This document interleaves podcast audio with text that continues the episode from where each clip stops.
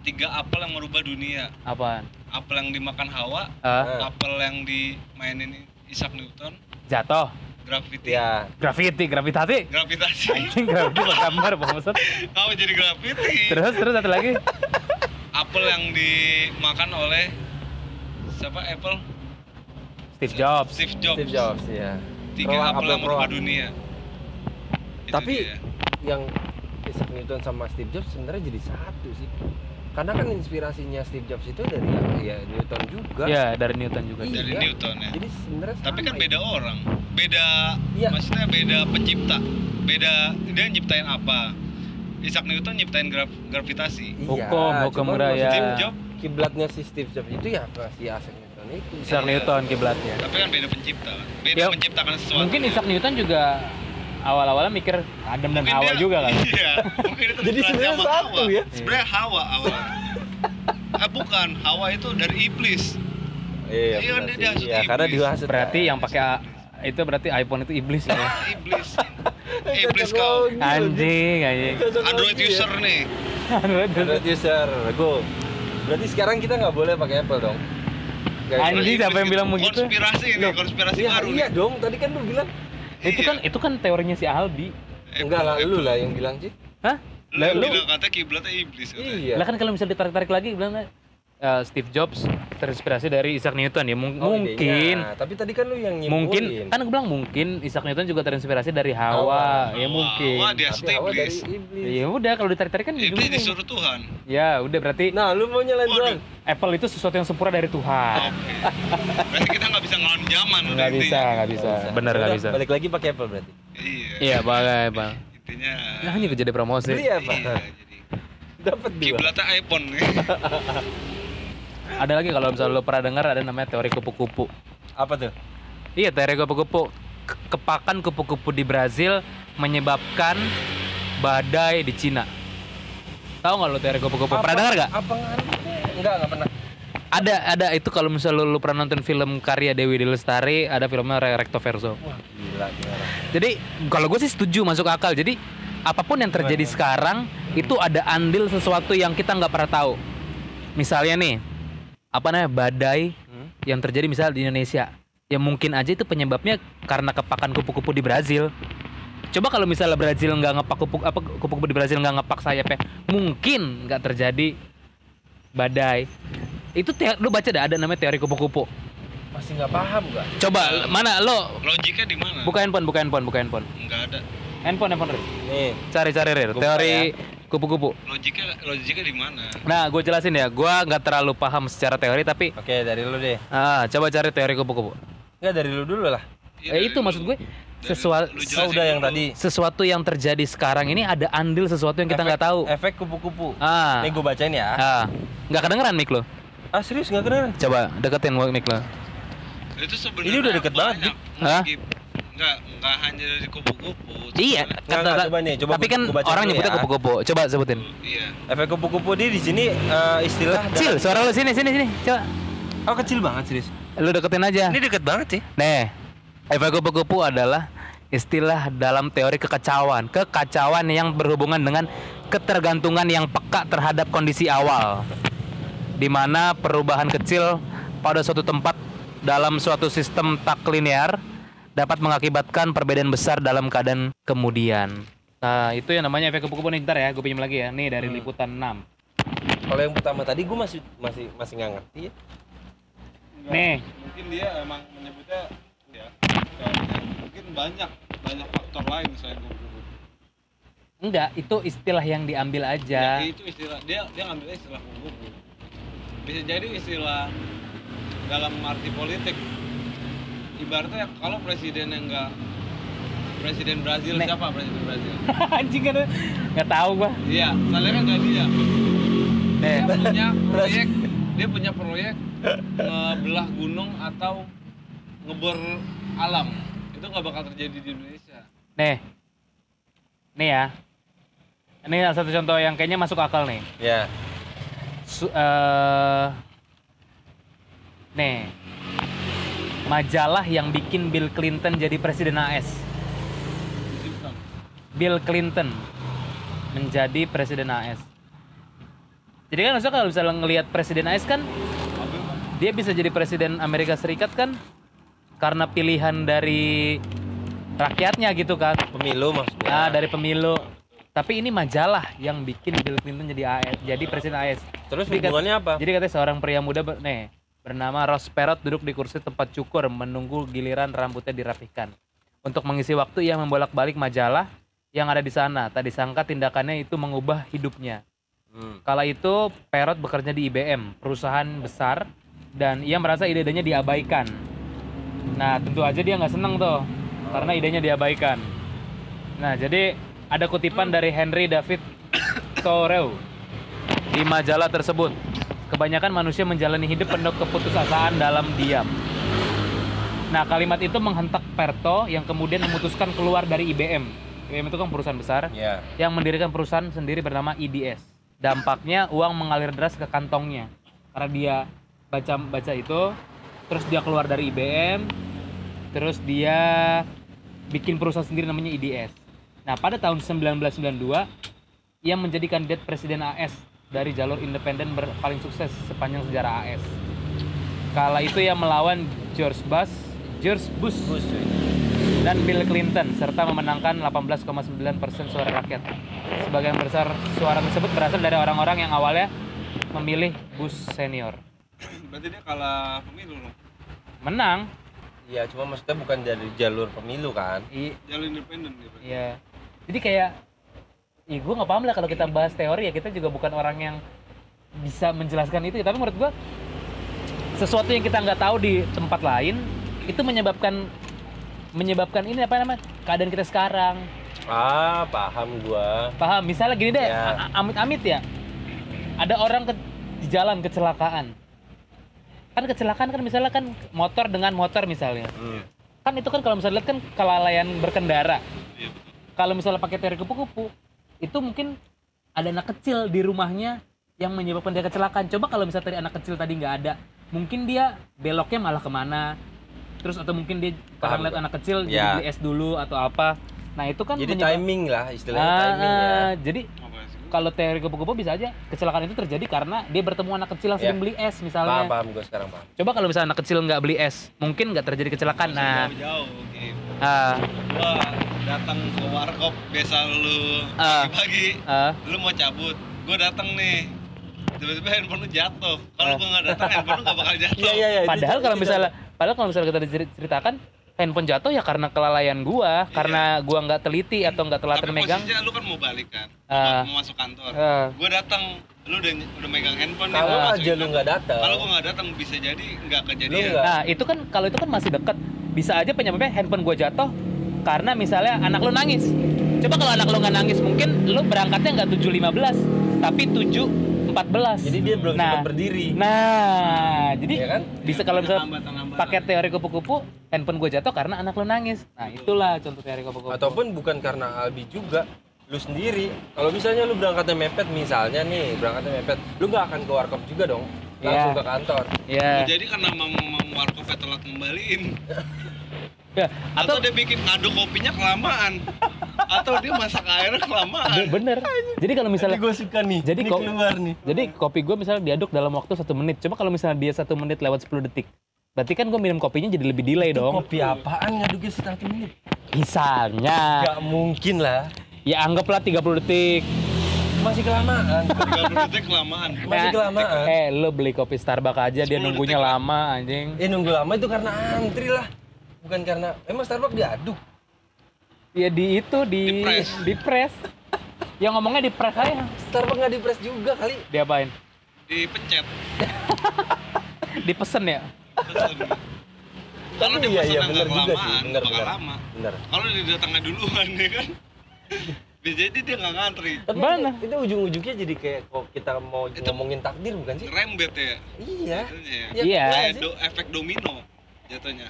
Ah, nggak Bener tahu kan? juga dah, nggak tahu gue efek domino apa. Efek domino. Iya, jadi efek domino itu taunya- maksudnya nyambung sebab menyambung. iya, sambung sebab menyambung. akibat itu nyambung. Eh, efek gaple lah ya kalau ini. Anjir, Gaple, anjir. gaple. Lah domino kan gaple. Gaple ya nyambung sih. lu balak satu lu balak satu nimbanya balak satu bener Nah, ada lagi nih, gue punya teori lagi namanya itu gue kenal di SMA. Ini sih sebenarnya bukan ini mah teori lucu-lucuan. Namanya teori anjir, gue lupa Lu gimana sih? teori Isaac Newton apa? Isaac Newton 3 kan ada hukum Isaac Newton 1 kalau nggak salah ya kalau lu ingat hukum Isaac Newton 2 hukum Isaac Newton 3 Gak tahu gua. harusnya kan kalau nggak salah cuma sampai dua apa ya? Gue lupa lah ya. Nggak pokoknya pokoknya ada hukum yang kita belajar di sekolah namanya hukum apa? Gue lupa entah Archimedes atau apa. Jadi tuh seharusnya tuh cuma sampai dua doang hukumnya. Nah ini dibikin sama anak-anak tuh dibikin sampai tiga.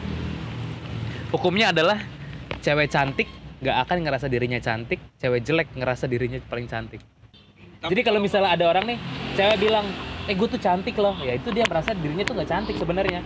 Tapi kalau misalnya emang karena dia ngaku-ngaku ah tapi emang kalau misalnya cewek bener cantik Dia nggak akan bilang dia gitu. nggak akan bilang dirinya cantik. Tapi, Tapi kalau dirinya jelek pasti bilang aku dirinya cantik. Sebenarnya begini gitu ya itu Ada. sih itu itu waktu SMA lah teori teori anak tongkrongan. Iya, jadi sebenarnya begini.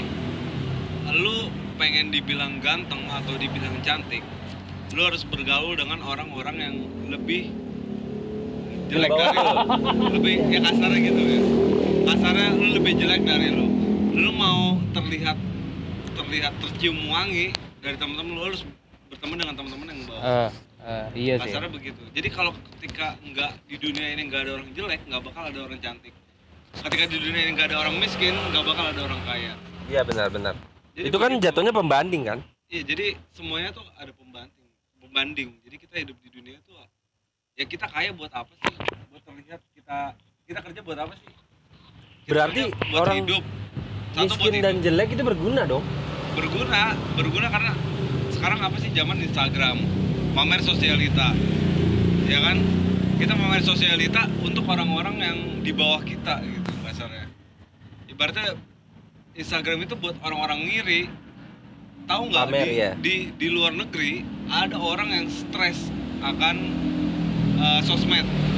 Orang-orang bener ada orang bule itu bener-bener ngapus sosmednya karena dia stres. Dia selalu ngeliat postingan temen-temennya. Sirik ya? Liburan. Iya, hi- liburan, hidup mewah. Iya sirik dong. Iya gitu. Jadi orang stres pikiran gitu. Gua nggak bisa kayak gitu. Jadi itu tuh dia ngiri gitu. benar-benar waktu itu gue pernah nonton kalau nggak salah di film jadi kalau pakar finansial gitu dia bilang eh, media sosial ini memang mengganggu Iya. Nah kebanyakan katanya kalau kliennya dia tuh klien apa apa ya gue lupa dia bilang orang tuh sekarang lebih milih um, makan di kafe, jajan di mana pun, pergi liburan Hmm. dibanding dia beli rumah. Menurut dia fit fit Instagram dia liburan, dia makan di mana ya? itu lebih bagus daripada dia foto cuma di rumah doang. Padahal kan secara nilai kan rumah itu ya di atas dari liburan lah kita punya rumah. Nggak liburan tapi menurut gue itu sesuatu yang lebih Iya, inilah liburan. nilainya tuh lebih gede lah. Iya, oke kalau liburan kita buat refreshing oke. Gue juga ngalamin gitu gitu. Eh, Gue orangnya yang nggak nggak ngikutin zaman. Gue orangnya nggak ngikutin zaman. Handphone gue Oppo dari 2014 nggak ganti-ganti. eh. Handphone gue Oppo tetap. Bini gue handphone Oppo juga. Padahal teman-temannya udah pakai iPhone user, ya kan? user iPhone. Dia nggak nggak ini nggak nggak terdistract oleh itulah nggak terdistract. nggak pengen kali cuman dia diam aja Nggak dulu. pengen dia, dia, enggak. Gue udah gue kasih cuy. Oh iya. gaji gua gua kasih semua gua kasih gua kasih 5 juta nih Set, gua kasih 5 Enggak juta nominal aja disebutin dong. enggak itu enggak, enggak semua gaji gua Oh iya. iya kan gua pasti punya keep lah enak aja kasih semua gua udah kasih 5 juta gua suruh beli handphone besok kan nggak dibeliin bulan depannya gua kasih lagi 5 juta nggak dibeliin lagi 10 juta gua minta balikin kan Hmm. udah lu ngebeli handphone terus dibalikin dia bilang apa buat anak Oh, iya. buat anak oh berarti baru nih. Anak.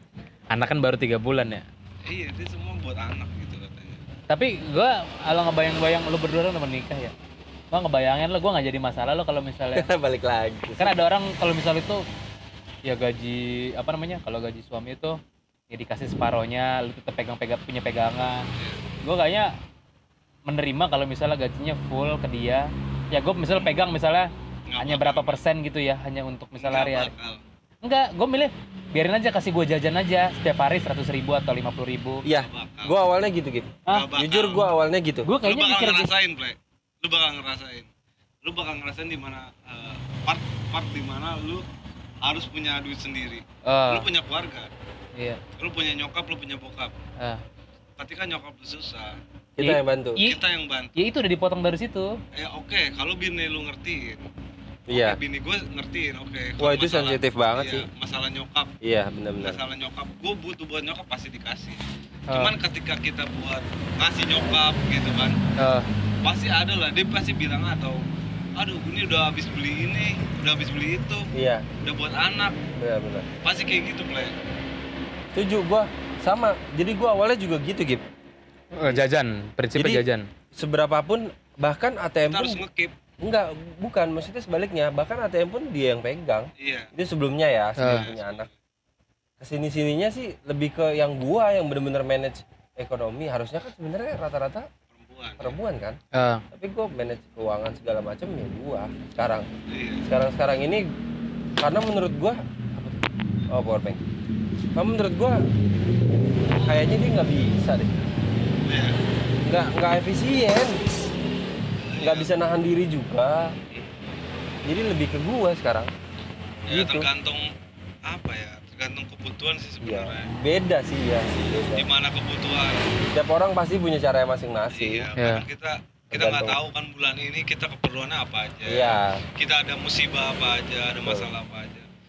Pasti kita ya pasti kepake lah itu tabungan tabungan ya gue sih mikirnya ya nanti karena emang udah kesepakatan kalau misalnya nanti menikah kalau misalnya mama mama gue dikasih mama gue dikasih mama dia juga dikasih. Misalnya nyokap gue dibeliin baju berarti nyokapnya dia juga wajib dibeliin baju. Jadi dibikin seimbang. Nah kalau misalnya itu udah terjadi dengan secara adil ya menurut gue gue kasih seluruhnya ke dia dan dia yang ngatur. Ya udah kasih aja gue setiap hari. Misalnya kebutuhan gue ongkos makan dan lain-lainnya misalnya tujuh puluh ribu ya udah kasih tujuh puluh ribu planningnya sehari gitu. ya Planning gitu. planning gue kayak gitu Planning ya gitu. kan lu ngerasain yang ngerasain deh gue nggak tahu ya Iya. 10 bulan lagi bro iya lu bakal berarti lo kalau kita beda kantor datang nggak oh good merit Ya pastilah. gos goks Ya pasti, pasti gue jamin pasti. Iya. Ya maksudnya tetap gua pasti bilangin insya Allah, Iya ya kan. tapi, Tapi kalau misalnya dalam hati pasti gue datang lah Pasti, selama pasti. nggak ada ha- halangan nggak ada halangan apa pun pasti gue datang. Pasti, gitu. Nggak mungkin enggak. pasti lo datang. Gue diundang yasinan hari ini. Bokapnya temen gue 40 harian sebenarnya Eh, hari ini. Cuma karena gue udah janji gue nggak bisa ngebatalin janji gue Nah, gue udah datang sih. Eh, temennya apa tuh bokapnya temen gue meninggal gue datang. Tiga harian tiga harian gue datang. Jadi tiga harian. tiga harian. Emang ada ya? ada. Jadi kalau tergantung tahu. tergantung anutannya ya iya tergantung menganut ajaran menganut apa ajaran apa terus tergantung suku apa kalau di Betawi Budaya gitu, ya? ada satu harian dua harian tiga harian terlanjut tujuh harian atau bisa Oh, bablas gitu. tuh satu harian sampai tujuh harian terlanjut 15 harian 40 harian Eh tapi gua nggak setuju lu kalau misalnya yang suka ngebebanin kayak gitu. Ngerti nggak sih lu kayak orang punya musibah, Hmm. meninggal keluarga, terus kita harus punya beban buat ngasih makan orang, iya nggak sih? kalau ngasih makan orang sih tergantung dari keluarganya pak Kalau kemampuan. ya kemampuan dari elunya apalagi dari ma di masa pandemi ini Oh, lu balik lagi bebas ke pandemi. iya enggak semua, semua sekarang pa- pandemik Balik lagi. bener pandemik banyak orang yang nggak datang karena takut Karena pandemik itu. iya ada Aduh, orang nikah percaya. orang nikah budgetnya misalkan taruhlah 70 juta karena pandemik lu jadi 50 juta karena lu nggak nggak harus nyewa Iya. gedung Banyak yang dikurangin ya, kan. karena lu nggak harus nyewa gedung lu nggak Nah, harus nyewa prasmanan sekarang-sekarang ini deh. apa eh kalau misalnya oke Hmm. sekarang pandemi katanya Oke. pas untuk menikah Ah, coba misalnya satu, satu bulan lagi gue ngajuin untuk menikah emang orang-orang nggak berpikiran kok dia nikah cepet banget dalam sebulan udah mau menikah aja iya. apa jangan-jangan melendung dulu Ah, nggak gitu juga Nah, ada temen gue begitu berpikir jadi gue punya temen terus ceweknya nanya ayo dong nikah sekarang aja memang dia udah sama-sama yakin Itu ceweknya. iya ceweknya nikah sekarang aja kan lagi pandemik juga kita nggak perlu bikin resepsi-resepsian jadi cu- jadi cuman gitu aja jadi kan karena kan memang nggak boleh kan waktu itu ya Iya, iya. iya. karena nggak boleh bikin acara kerumunan kan ya udah Iya. sekarang aja terus teman gue ini bilang emang lo nggak mikir tetangga tetangga nanti ngomongin apa kok dia nikah tiba-tiba Ya. dalam waktu sebulan ntar dipikir ceweknya melendung duluan Anjir.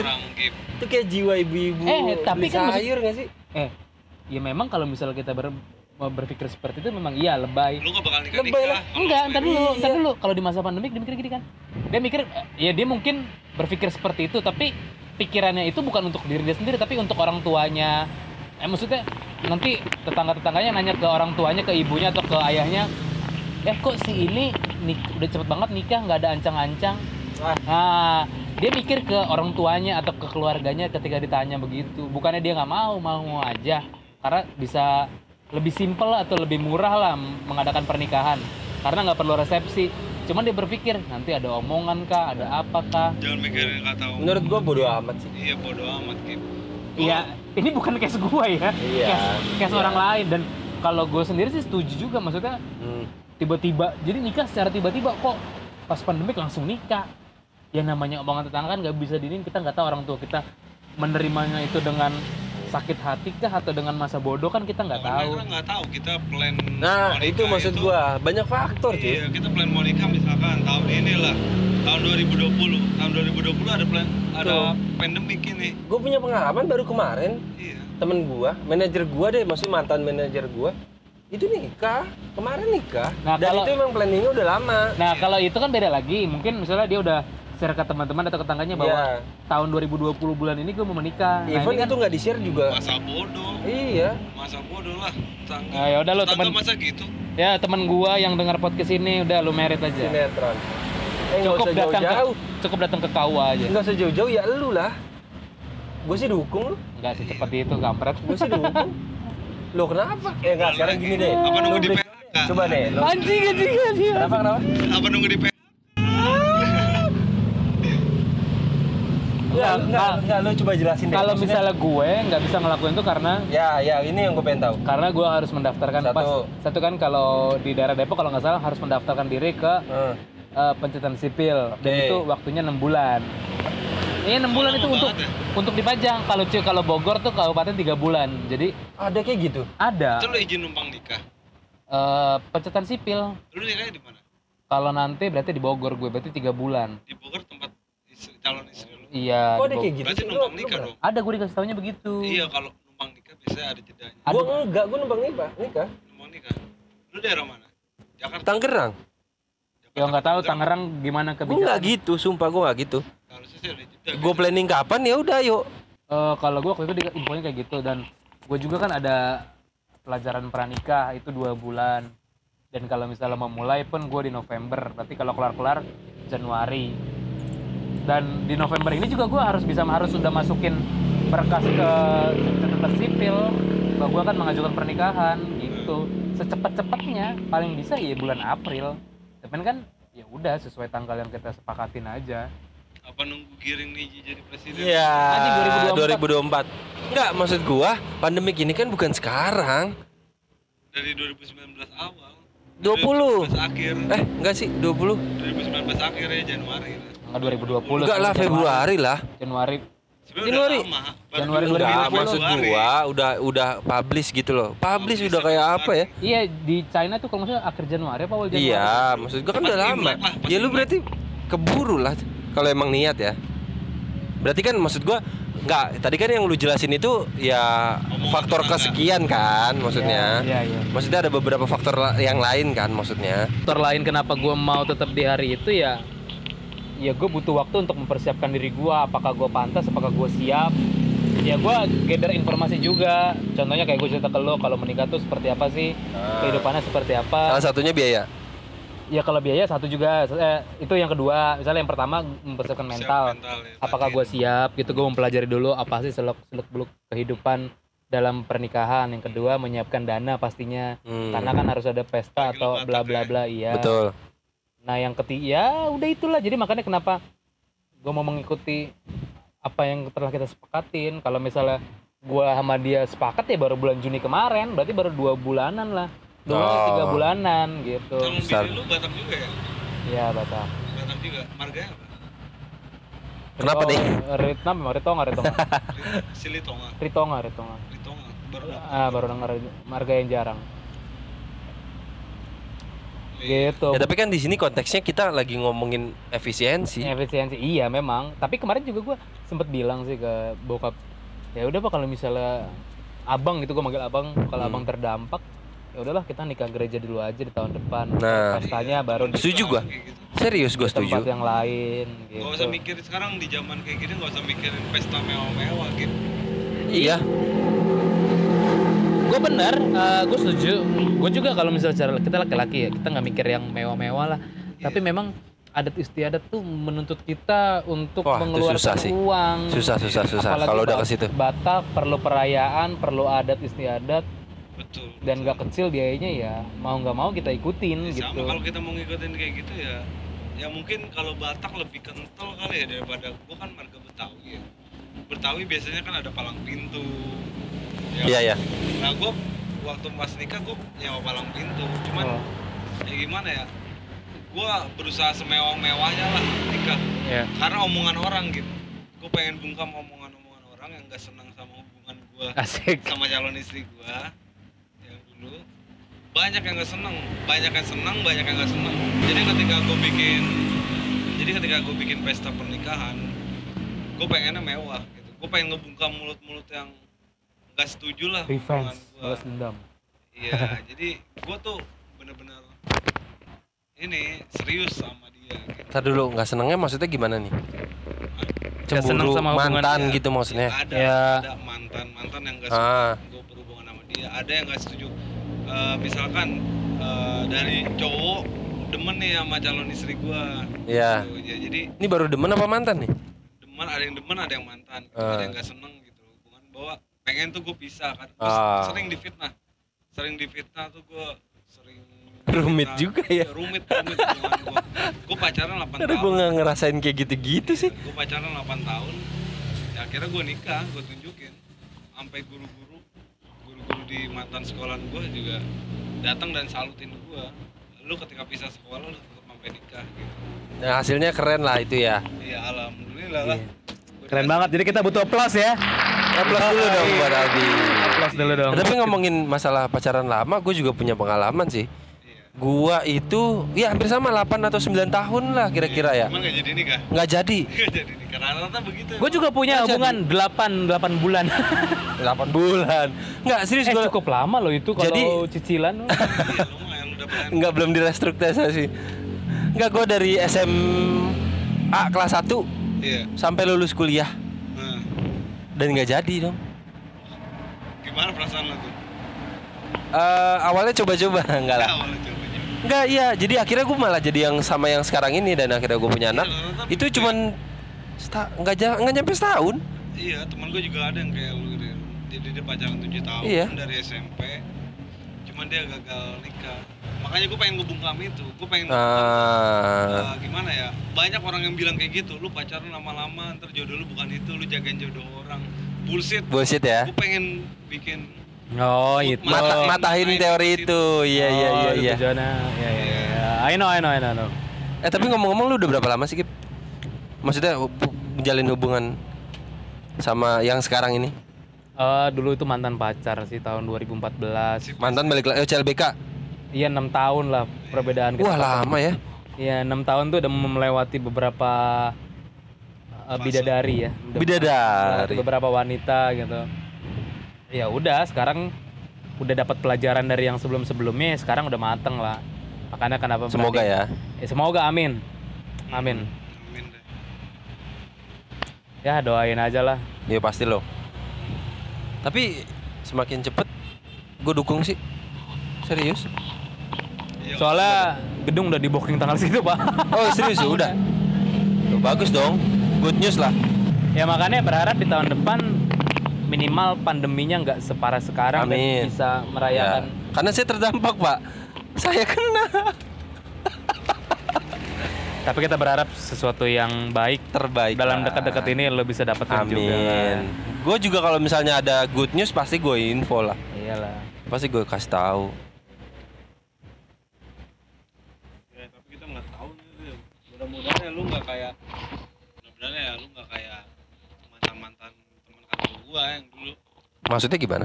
ya ngomongnya kayak gini Tapi ngomong kayak gini cuma nanti lost kontak Iya, begitu banyak. Ya kan rumah kita deket. Kan rumah kita jauh. Iya, gua ngomong gitu sih kadang kan kayak jangan kan begitu, jangan kan teman, saudara aja kadang kita. Nah, iya. Gitu. Iya sih benar sih benar benar benar. Semoga kita terus keep silaturahmi lah. Tapi ketika Sahrir eh, beda kerjaan sama kita sekarang ya, beda perusahaan. Gue mikir, gue beberapa kali sempet kehilangan teman dekat gitu kan. Gua, Oh, sebelum gua ya. Iya sebelum sebelum lo. Maksudnya dari masa sekolah gitu ya, punya teman dekat dan ngerasa nganggap sahabat, terus hilang dia. Ya balik lagi ke yang tadi bilang sih, maksudnya ada pertemuan dan perpisahan itu kau sih? Iya. Ya Ada- kan gue punya teman di kantor ini dulu ada yang namanya Agi kan sebelum gue kenal sama lu gitu dulu gue mah gak dekat sama Gibi gue dulu dekat sama Agi anak part timer juga. Dulu gue part timer jadi gue setiap ketemu Gibi tuh di bedeng doang. Lu pulang baru tuh ngepusin rokok tuh gue bilang wah Gibi gue ajak mampir. Iya gitu doang Negor-negor masih Iya, masih negor sekarang basa basi ya. Iya, jadi partner partner gua. jadi Iya, benar. Partner podcast. nongkrong, Eh, podcast. Nongkrong podcast ya, berbagi keluh PS. kesah. Hidup, Hah? Cuman keluh kesah. Oh, kalau PS musuh sih ya. PS mah dia di bawah gua. Ah. Nyubi nyubi. Iya, tahu kan siapa yang ngaku-ngaku. Oh, teori yang tadi dong. Iya. Waktu sudah menunjukkan pukul Berapa? 00 20. Eh, udah santai lah, gua masih masih kangen gua. Ya, saya ada yang nunggu sih. Oh iya iya. Dikit lagi dah Pak, dikit lagi Pak. 0030 Pak. Saya juga ada nunggu Pak orang tua di rumah Pak. Oh iya sih benar benar benar. Itu udah pasti lah. Kalau itu udah nggak usah ditanya. Orang tua se sedewasa apa pun kita, Ah, tetap dia nganggap kita anak-anak. betul. Iya, lu mau udah nikah, kayak gua ngalamin udah nikah. Pasti kalau pulang ditanya, udah makan belum? Ah, sama sama Padahal kan banget. kita kan udah punya istri kan? Sama banget sih. Ibaratnya ya ada istri lu yang ngurusin gitu. Iya. Tapi pasti ditanya udah makan belum? Nih makan. Sebangor-bangornya kita pasti ditungguin tuh pintu. Bang, bahkan pertama kali gue kerja, gue kehabisan duit, gue masih diongkosin sama orang tua gue, gue sampai malu. Bekal dibekalin. Iya, sampai dibekelin, Iya, sampai iya, iya. diongkosin. Gue saking malu, sehari lima puluh ribu gue diongkosin. Dulu kehabisan. Oke, kita ganti namanya podcast anak mami. Bapak orang kaya soalnya. Bapak berkecukupan soalnya. Cukupan. 50 ribu. Tidak ada kekurangan. Iya. Kenapa? Orang ketika kuliah 2014 aja gaji uang jajan gue cuma 17 ribu bensin udah 10 ribu makan apaan 7 Eh, tapi ribu gue lupa sih. Lupa gue. Enggak. Diongkosin diongkosin gitu gue lupa berapa nominalnya. gue 17 ribu masih inget waktu Gue lupa kuliah banget sumpah. lu bayangin kuliah 17 ribu mak bensin aja berapa makannya udah berapa Oh enggak, enggak. Waktu kuliah gue udah kerja, sumpah. Ah, gua- lulus lulus SMA, gue udah nyoba-nyoba kerja soalnya. Sama kayak gue. Gua Serius. gua kerja tapi pas masa libur aja libur kuliah Oh, part time. Eh, jaga studio band Ah. itu ya sehari dua puluh ribu gitu jadi emang udah pahit tapi nggak nggak full gitu jadi ketika gua kuliah gua nggak dapat pekerja nggak dapat uang gua dapat uangnya ketika gua libur kuliah doang dan nggak banyak juga ujung-ujungnya ya minta duit papa mama lagi gitu. Iya, yang gue cerita iBox Store tuh gue jaga-jaga toko di mall. Itu gue udah sambil kuliah, cuy. Iya. Iya, makanya kenapa gue sampai lupa gue diongkosin berapa ya karena itu. tapi keren deh kuliah dua kali Oh iya. Eh, tiga enggak, kali tiga malah. kali, cuy. gokil Tiga kali, tiga kali gue. gelarnya dua ya Gelarnya satu Abri, tetep. sama Abri masuk desa kan AMD. gue dulu namanya gua D3 ya dulu kalau anak-anak lo kuliah di mana kuliah di sini udah tahu kuliah itu kan D3 oh iya Abri masuk desa ya Eh tapi enggak juga. Sekarang kan ada satunya. Kalau sekarang. iya tapi tapi kan beda ada beda iklannya tuh nggak jelas. Iklannya ngedrip ngedrip. Oh iya. Pakai mobil Apa hubungannya sih ngedrip Eh, ngedrip? Sekarang Naskah Rumble. sekarang tit ada sarjananya loh. Iya. Anjir gue Jadi ngapain? yang yang Obama palsu itu udah nggak zaman ya? iya. Jokowi palsu ya gue pengen tahu klarifikasi lu gitu. Itu iklan ngedrip ngedrip maksudnya apa? Ada jurusan ngedrip gitu. eh lu, ber- berarti lu bisa bandingin juga dengan dengan iklannya Gunadarma yang kenapa UFO emang apa hubungannya sama Lebih pendidikan lebih nggak masuk akal sih kalau gue ya bilang. namanya iklan untuk meman untuk untuk orang gimana mau ngelihat dia ya harus aneh kok iklan kampus kok gambarnya nggak drift? Kan orang jadi kepo kampus apa itu? Oh. Kok iklan rokok tentang kesehatan tentang ngedance ngedance gitu ya. Iya itu kan. Eh kalau itu enggak lah itu tapi iklan rokok kesehatan apaan ya? enggak iklan rokok yang ngedance. Contoh lah Marlboro. Marlboro iklannya orang-orang ngedance. Oh iya. Jarum coklat orang naik gunung. Ya benar. Ya kan? Iya sih. tentang kesehatan maksud tentang kalau jarum kebanyakan seni-seni dia ngegambar Kalau 76 itu apa namanya jin jin, cuy. kopi daong aku beri satu permintaan Iya itu. jarcok gua nyobain jarcok di, di kopi daong cocok bener di pegunungan Iyalah, jarum coklat cocok di gunung. Ya intinya besok Senin jadi pandemi. Eh pandemi, maksudnya PSBB dari ulang. Ya. Semua di rumah aja dulu. Hmm, bener. Orang aring ya kita orang aring. Yang buat rambut. Jelata. tapi satu loh gue satu keuntungan yang bisa gue ambil ketika pandemi ketika kerja di rumah. Bisa panjangin rambut itu doang.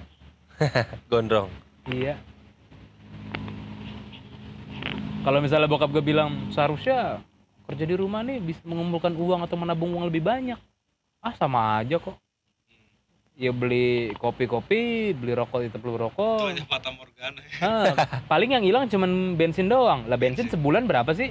Paling dua ribu tiga ribu ya nggak kerasa. Iya. ujung-ujungnya beli online beli online beli online. Ah. Malah jadi banyak jajannya ya. malah nanya banyak. sama lu di rumah bekal lu template masih sama.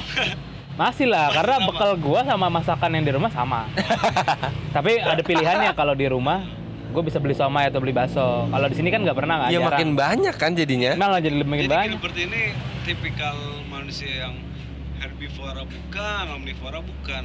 Karnivora juga bukan. Karnivora juga bukan. Jadi nggak suka daging nggak suka sayuran. Itu cuma telur. Siapa? telur tahu.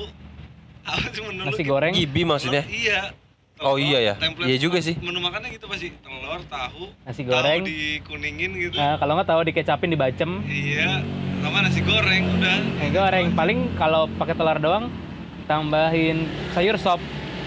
Berarti lu masih makan. Masih Nge- makan. ngem- ngempanin lu tuh ekonomis ya. ekonomis. Makanya gue udah bilang kalau misalnya nanti sama Bokin gitu menikah mah uang bulanan mah seminggu gitu ya seminggu ya gocap mah cukup lah ya gitu. Tapi Ya nggak gitu percaya juga. Makan telur terus itu bisulan. Nggak lama ngeliat Gilbert bisulan di leher. Tapi bener. Pikir, eh Bener. tapi tapi lu jerawat bukan gua bisul di leher. Tapi serius aja. beneran. bener bisu kayak belum lama tuh kayak waktu kemarin kita ke kantor kayak sekitar dua bulan ini tapi gue ngebisul bisul itu paling selama gue hidup baru tiga kali ya sama ini tiga kali jadi nggak pernah ngerasa bisulan di leher anjir. ya di leher Rata-rata kan orang kan ya di bokong lah. ya. dan sakit lagi di leher anjing Eh tapi ngomongin bisul, gue waktu kecil itu kena kayak virus ya. Soalnya bisulnya tuh nggak nggak nggak akan bisa hilang-hilang. Terus aja terus bertahun-tahun. Itu adanya di kepala. kutil kali itu mah Bisul, asli bisul, fix bisul. Benjol kan. Nah eh, terakhir itu bisa sembuh. Gua ke alternatif. Dipijet doang. Bukan. alternatif alternatif Cibubur itu jalan iya serius alternatif dipijet akhirnya bisa hilang Hmm. ngaruh ya berarti itu penyakit lu waktu kecil dulu iya iya nah gue punya penyakit penyakit gue dulu tuh cuman kalau nggak sakit kepala sakit perut sama sekitar kulit aja lah tapi yang gue ingat waktu gue sekolah Panu. enggak gue nggak pernah panuan Ah, berapa tahun?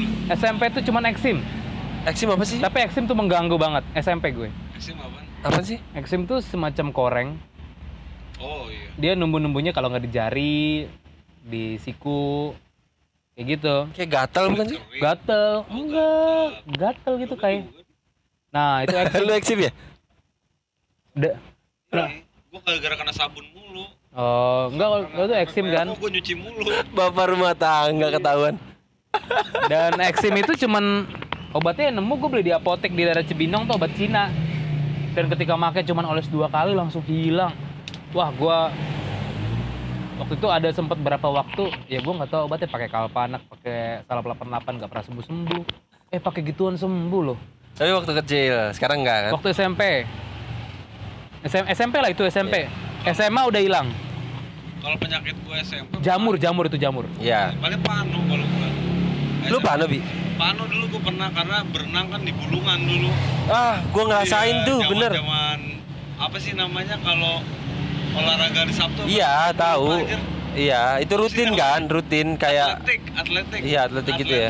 Kadang-kadang di Senayan. Iya. Iya, berenang iya. Di bulungan atau nggak di Lebak Bulus tuh. itu kan Kadang-kadang di bakso Senayan ya. bulu Iya. bulungan kan tempat Iya, Konser. tempat orang ke mana Bukan. aja masuk gitu. Udah Tempat- gitu Gue taunya jalan. bulungan tempat konser aja. tempat itu angkot-angkot pada berenang. Iya, ibaratnya Oh. iya. siapa aja bisa berenang. Jadi angkot yang murah. diceburin tuh angkotnya. Bukan, maksud gua apa sih supir ya? Iya, itu. Iya, orang Driver kalau sekarang bahasa. sana.